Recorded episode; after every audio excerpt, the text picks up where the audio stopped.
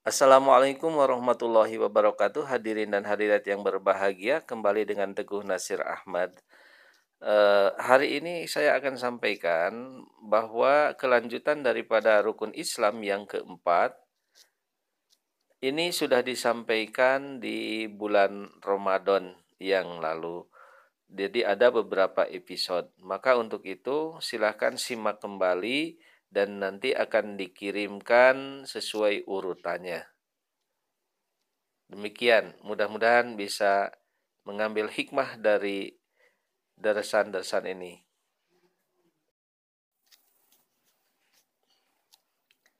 Assalamualaikum warahmatullahi wabarakatuh. Allahumma sholli ala Muhammad wa ala ali Muhammad kama sholaita ala Ibrahim wa ala ali Ibrahim innaka Hamidum Majid. Allahumma barik ala Muhammad wa ala ali Muhammad kama barakta ala Ibrahim wa ala ali Ibrahim innaka Hamidum Majid. Hadirin yang berbahagia, marilah kita isi bulan Ramadan ini dengan deresan-deresan untuk mengambil hikmah dan pelajaran dari bulan yang sangat mulia ini. Insya Allah akan disampaikan deresan-deresan singkat pada bulan Ramadan ini untuk kita semua khususnya untuk saya mengingatkan mungkin untuk meningkatkan ibadah yang lebih baik kepada Allah Subhanahu wa taala. Hadirin yang berbahagia, pada permulaan kenabian Rasulullah SAW, Allah belum menurunkan perintah puasa.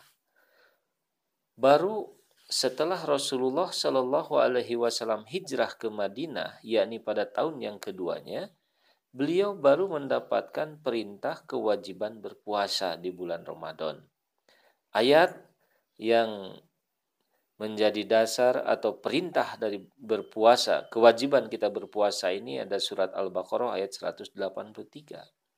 A'udzubillahi minasyaitonirrajim. Ya ayyuhalladzina amanu kutiba alaikumusiyam kama kutiba alal ladzina min qablikum la'allakum tattaqun.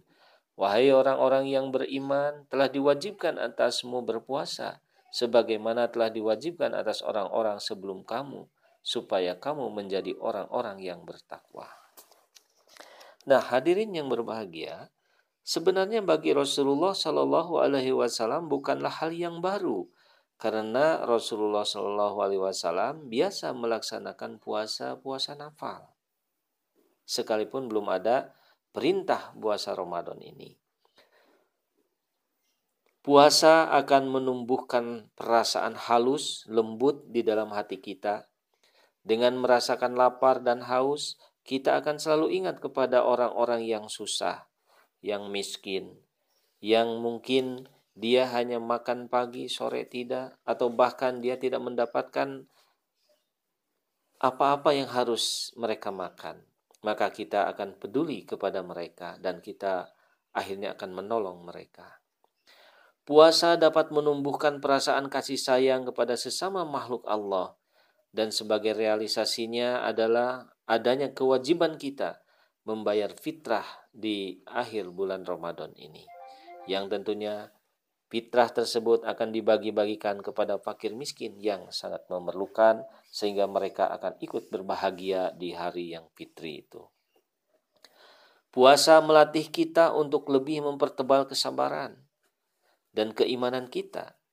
Karena biasanya bila orang dalam keadaan susah, lemah, atau dalam kondisi tidak berdaya, kita akan selalu ingat, menyanjung, dan memohon kepada Allah dengan begitu khusyuk dan begitu sahdunya.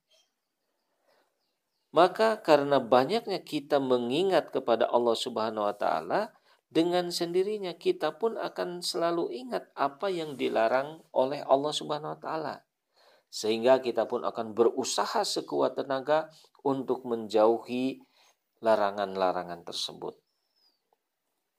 Dan kita pun tentu akan ingat apa kewajiban-kewajiban kita terhadap Allah dan kita pun akan terus belajar dan berusaha untuk melaksanakan kewajiban-kewajiban kita terhadap Allah Subhanahu wa taala. Dengan demikian maka terpeliharalah lahir dan batin kita dari pekerjaan-pekerjaan yang tidak diridhoi oleh Allah Subhanahu wa taala. Misalnya berkhianat, berdusta, mengumpat, bergunjing, korupsi, dan berlaku pasik atau kita melakukan dosa-dosa, itu akan dijauhi akan terhindar dari kita.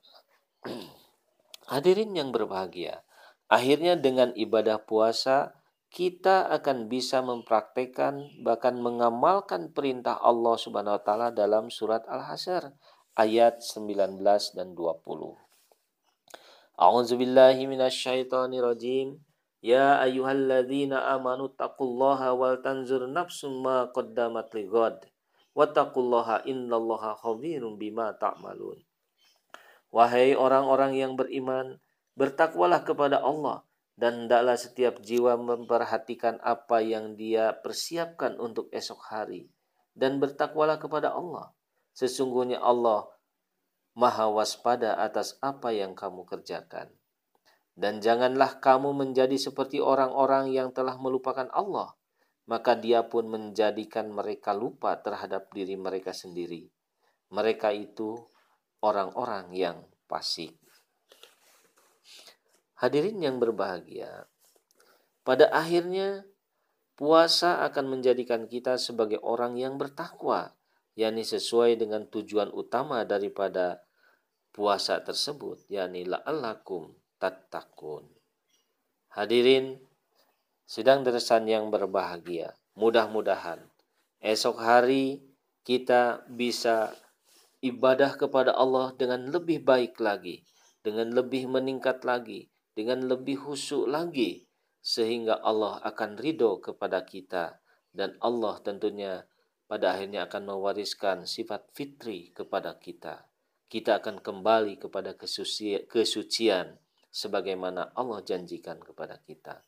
Mudah-mudahan Allah memberkahi kita semua.